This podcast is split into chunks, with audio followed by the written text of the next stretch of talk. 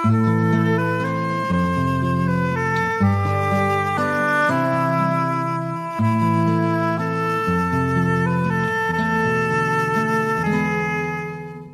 is dit storietyd. Baie welkom weer eens by Kortom. Vanaand gaan ons luister na stories van PG Du Plessis en Johan Nel gaan dit vir ons lees. En ek het dit gevind in 'n 120 sommer so stories wat 'n bundel van Lapa is, 'n wonderlike bundel. Die eerste storie waarna ons gaan luister, ons gaan na twee luister want hulle is kort. Se titel is Die Korsie skyn op porrelgate. En Johanel gaan dit vir ons lees. Lekker luister.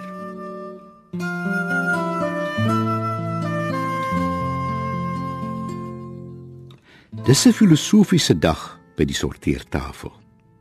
Die dat Musi beweer die verlede is soos 'n porrelgat. Al wat die tyd in 'n gat sagte modder maak, is so 'n skynheilige kors bo-op. Maar vertrou nou daardie kors en loop trap op hom, dan sak jy weg. Ek voeg toe. As almal om jou saam sondig, dan lyk sonde nie meer so slegtigheid nie. Vat net 'n massa betogings as hulle vensters breek en karre omkeer. Of van die politiek. Almal skreeu sanna oor dieselfde ding en dan vat dit jou 40 jaar deur die woestyn met net 'n bietjie manne en 'n paar kwartels om met klipwater af te sluk tussenin voor jy uitvind jy was nooit op pad Kanaan toe nie. Dan vlieg almal weg in 'n ander rigting met die grootste sondaars uit die vorige bedeling heel voor. Intussen ontken jy dat jy ooit meegedoen het en vloek jy op alles wat jy eergister geglo en reg gepraat het. Diep woorde, dag ek. Van Moses stem saam. Dit bly 'n porrelgat met 'n korsie bo-op en vrot modder onderin. Die goed wat agter jou lê, het 'n gemors sondes onderin, al het die son hom al kraak gebak bo-op.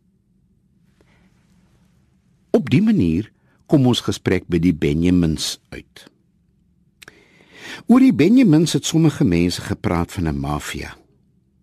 Dit was die drie broers, Julie, Fale en Hans, almal Benjamins, en dan twee neefs van moederskant, Gert Wessels en Benny van Tonner. Van kleins af was hulle so. Alles saam gedoen met Julie die oudste broer vooraan.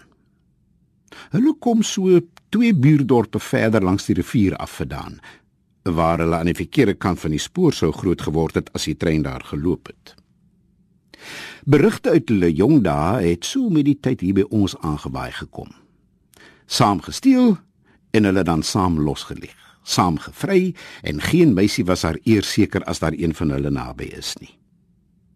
Toe hulle in die kroeg begin beklei, het elkeen wat met een van hulle stry gekry het geweet beklei met een, dan staan die ander vier nader met gebreekte bottels en dan moet jy jou rug vinnig teen die muur kry.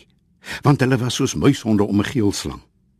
Terwyl jy voorveg na die beste van jou vermoë, word jy van agteraf betrek. Kom hulle aan geld. Hoe kon niemand nog uitmaak nie. En in sulke gevalle is dit hier by ons maar altyd diamante. Enige iemand wat onverklaard begin vooruitboer, of sonder erfgeld of ryktrou begin met nuwe motors en groot huise en dan sy deetlike gesette vrou verruil vir 'n uitstaalbare jong geverfde met frisbruin bene het eers iets met onwettige klippe te maak.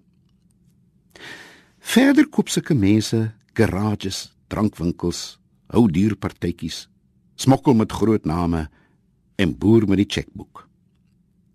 Die dat hulle hier intrek is oor Gert Wessels die garage pulstasie motoragentskap tweedehandse afdeling op die dorp opsit en so te hore kom van die ryplase in oorloo om Gerbrand Maas se boedel. Tussen hulle koop hulle al die plase en sit huise op. Niks minder as 5 badkamers die huis nie. Met swembaddens om Vaaldam te beskaam. Kroe soos in die hotel, tennisbane en al die ander foefies waarmee ryk mense hulle besig hou. 'n party eerlik is ook. Toe begin hulle oorneem. Hulle sleep van vergadering tot vergadering in hulle slapkarre. Of dit nou die boerevereniging of die rugbyklub of die skoolbeheerraad of wat ook al is. Uitgenome die kerkraad. En daar loop hulle met blink pakke en rooi gesuipte gesigte rond. Klap almal wat 'n stem het op die blad. So raak hulle verkies. Ook omdat hulle nie skaam is om iets aan die betrokke saak te bestee nie. Verder prys hulle mekaar, stel mekaar vir posies voor en begin hoog praat. Die eerste teken dat 'n man begin ambisies kry, is wanneer hy ophou vloek vir ander mense en hoë woorde gebruik, het Jan van Berda op 'n dag opgemerk. Want met die eerste vrouens se kinders wat begin groot word en met bederf motors deur die dorp begin jaag, het die vader se behoefte aan gesiene wees ontwikkel. En dit was met die verkiesing van die bestuur van die rugbyklub dat die eerste Benjamin in die porrel van hulle verlede loop krap het. Daar was die tyd struweling tussen Hans en Julie, omdat Hans se oudste die eerste Benjamin geword het wat die universiteit gehaal het. Dieselfde jaar dat Julie se jongste nie matriek gemaak het nie. Of die ding van sy seun iets in Hans losgemaak het, kon ons nooit uitmaak nie. Maar vir die eerste keer in jare vind Julie uit dat een van sy eie bloed hom gaan opponeer vir 'n possie wat hy in sy soort hoog aanslaan. Voorsitter van die rugbyklub. Magtige ambisie daarin. En Julie laat val by enkele invloedryke lede van die klub, soos die vader van die loskakel byvoorbeeld, dat Hans hy ietsie van 'n geskiedenis het by rugbyklubs omdat 'n klub net na sy spelers daar die fout gemaak het om hom met die tesourierskap te vertrou. In 'n onbewaakte oomblik skimp 'n gesubsidieerde vriend van Hans dit by Hans dat sy broer sy vinger in die gesamentlike porrelgat van hulle verlede gesteek het en dreig om dit in die aanwesigheid van ander klublede in die lug te hou. Waarop Hans die oom van heel agter inlig oor 'n klad op Julie se rugby geskiedenis. Waarop Julie in woede sê iemand behoort te loop kyk na die einde nommer van Hans se universiteit sissie se nuwe sportmotor. Waarop Gert Wessels met die garage intree en vra wat dink Jolie vang hy nou aan? Nou net dat hulle almal wettig geraak het waarop Fale en Benny van Tonder begin vrees vir hulle status en juridiese veiligheid en dreig dat as die ander lede van die groep nie weet om hulle bekke te hou nie hulle twee ook genoeg weet om as die flotilie dan nou moet sink te sorg dat almal saam sink Hulle het handgemeen geraak op 'n samespreking in Julie se kroeg en baie stoele gebreek terwyl die geverfde tweede vrouens by die swembad sit en vrees het. Maar Benny was die meeste opgevoeder. En toe hy uit die hospitaal kom, was dit hy wat staatsgetuie geword het. So word heel wat karaat uit Angola verklaar. Want as jy eers jou vinger in die porrel van die verlede gesteek het, sleep jy een na die ander trawant daardeur tot jy self invoeter.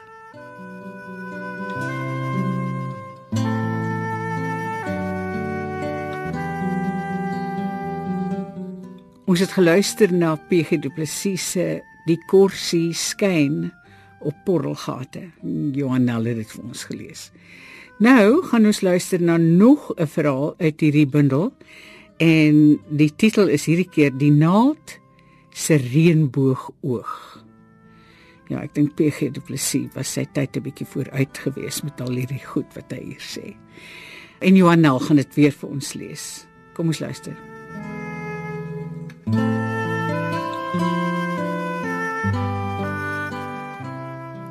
Dis waar die ding van die ryk man in die oog van die naad vandaan kom.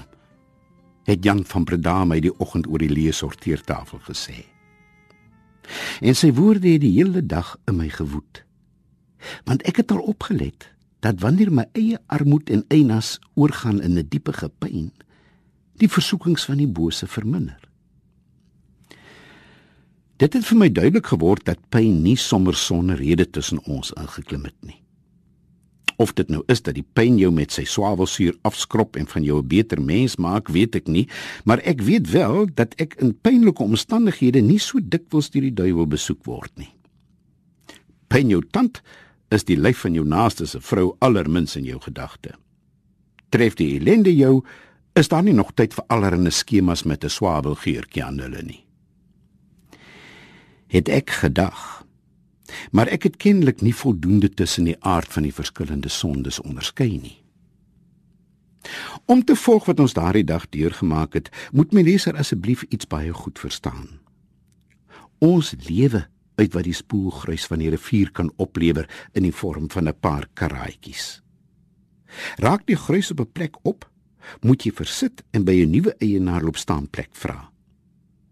Die meeste grondbesitters is gaaf tot hulle agterkom iemand wil op hulle grond kom delf. Dan is hulle skielik die ene bestellings en loop hulle hand om die blad met die mense van die departement van mineraalsake. Waar daar in eeue nooit eers 'n kankerroos gegroei het nie, wil hulle na die gate toe is lande lucern plant. Na jy nou so na aan Subat gekom het as moontlik en 'n kontrak geteken het waarin jy jou eie geboortereg en die voogdyskap oor jou nageslag moes wegteken, gaan staan jy op die grond en dan word jy verantwoordelik gehou vir alles wat daar verkeerd gaan van 'n bok in die porrelgat tot aan die kant uit by drade wat breek nadat die vuur al vir 30 jaar voor jou koms met die goed klaar gespeel het. Kry jy 'n steentjie of twee is jou kop deur. Want die meeste mense raak baie toeskietlik as die geur van rande in hulle neuse opslaan. Kry jy niks, is hulle kwaad vir jou. Mergel hulle jou met die rehabilitasie van die grond nog verder uit en vertrek jy 'n arm man. Dit was met ons aan gebeur op daardie dag toe die gruis so skielik opgeraak het. Dit was toe Jan van Breda gesê het dis soos die oog van die naald.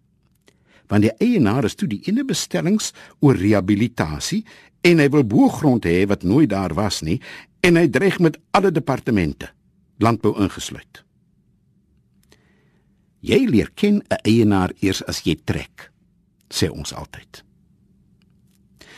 Maar ons is te diep in die moeilikheid en ons pyn finansiëel. En dis 'n diep pyn want dit is 'n soort desperaatheid by wat grondeienaars, mineraal en energie sake, landbou en jou vrou nie verstaan nie. Daarom loop ek die aand radeloos rond toe my vriend BLE skielik langs my verskyn.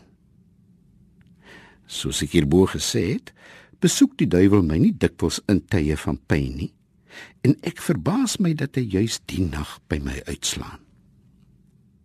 Vra ek hom daarna. Jy kom nooit eintlik by my as ek pyn nie, Beeli, my vriend. So waarin het ek nou skielik die eer van jou besoek te danke? Ek is altyd by jou in tye van nood. Antwoord hy. Want raak jy in die moeilikheid, is dit maar bekommernis en spook gaan haal wat op jou skouers sit. Al kan nie een van die twee 'n L by jou lengte voeg nie, of het jy die leringe van die ander kant vergeet? Ek sien dit in.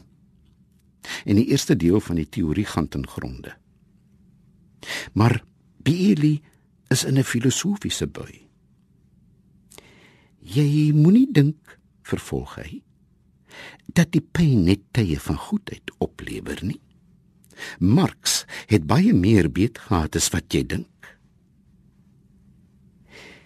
Ek kan nie verband tussen my toestand en die groot klasse stryd nie heeltemal insien nie en ek vra verder verduideliking sien jy nie wat om jou aangaan nie vra hy Die hele nuwe Suid-Afrika is op die oomblik een van die grootste leerskole oor reg en verkeerd en jy sien dit nie raak nie. Ek is te besig om sien en liggaam te probeer aan mekaar hou om my oor die politiek te bekommer, is my verweer. Ah, sê hy. Ah. Hy verduidelik, want hy sien ek vererg my vir sy leedvermaak. Dis wat jy my gesê het toe ek jou destyds gevra het, hoekom jy jou nie hewiger teen die ou rasse bestel verset het nie. Dis wat jy smalend gesê het toe jy vertel het hoe die Engelse Suid-Afrikaners hulle met sport en geld begin besig hou het toe hulle na 48 uit die regering gestoel is gelig is. En dis wat jy nou sê as ek jou vra, vir wat kyk jy nie wat in die reënboognasie aan die gang is nie? Wat het dit met Karl Marx te maak? Probeer ek uitkom. En wat is nou sodanig in die reënboognasie aan die gang? Ah, sê weer. Maar hy verduidelik daarom verder. Tussen die sondes van die rykes en die armes is daar 'n stande verskil. Vir my en my direktoraat van verdoemenisbestuur was dit deur alle eeue duidelik dat die armoed 'n permanente gegewe soos die ander kant leer, groot sondes kan oplewer. Dat die rykdom, vergelyk die oog van die naaldstelling, massiewe sondes kan lewer. Vir ons is die middelklas sondes klein sake ondernemings. Want dis mense wat hulle vasstaar aan hulle klein lewentjies, klein verneuk op sakegebied en in hulle familietjies en pensioentjies vasgegroei sit. Die triek waarmee verdoemenisbestuur in die nuwe Suid-Afrika besig is, is eenvoudig. Die dae van voorspoed vir blank Suid-Afrika is grootendeels verby. Al het die haves nog grootendeels hulle have, sien hulle have not onder hulle kinders groei. Met die gewese have nots gaan dit nog makliker. Baie word haves en hulle moet die versoekinge van have leer hanteer. Mag gulsigheid korrupsie lewensstandaard. Maar waar my bestuur sondes oes my vriend is tussen die have nots wat nou ander have nots sien blinkery en bly. En hulle voel meer agtergeblewe as toe hulle agtergeblewe was En dan ook tussen die desperate haves van die verlede wat in die have not terugsak en nie kan uit nie. Ek is by jou omdat jy vandag een van hulle geword het. Aha.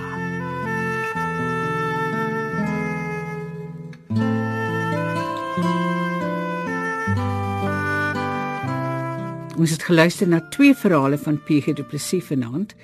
Die eerste was die korsie skyn op porrelgate en die tweede die naald se reënboog oog.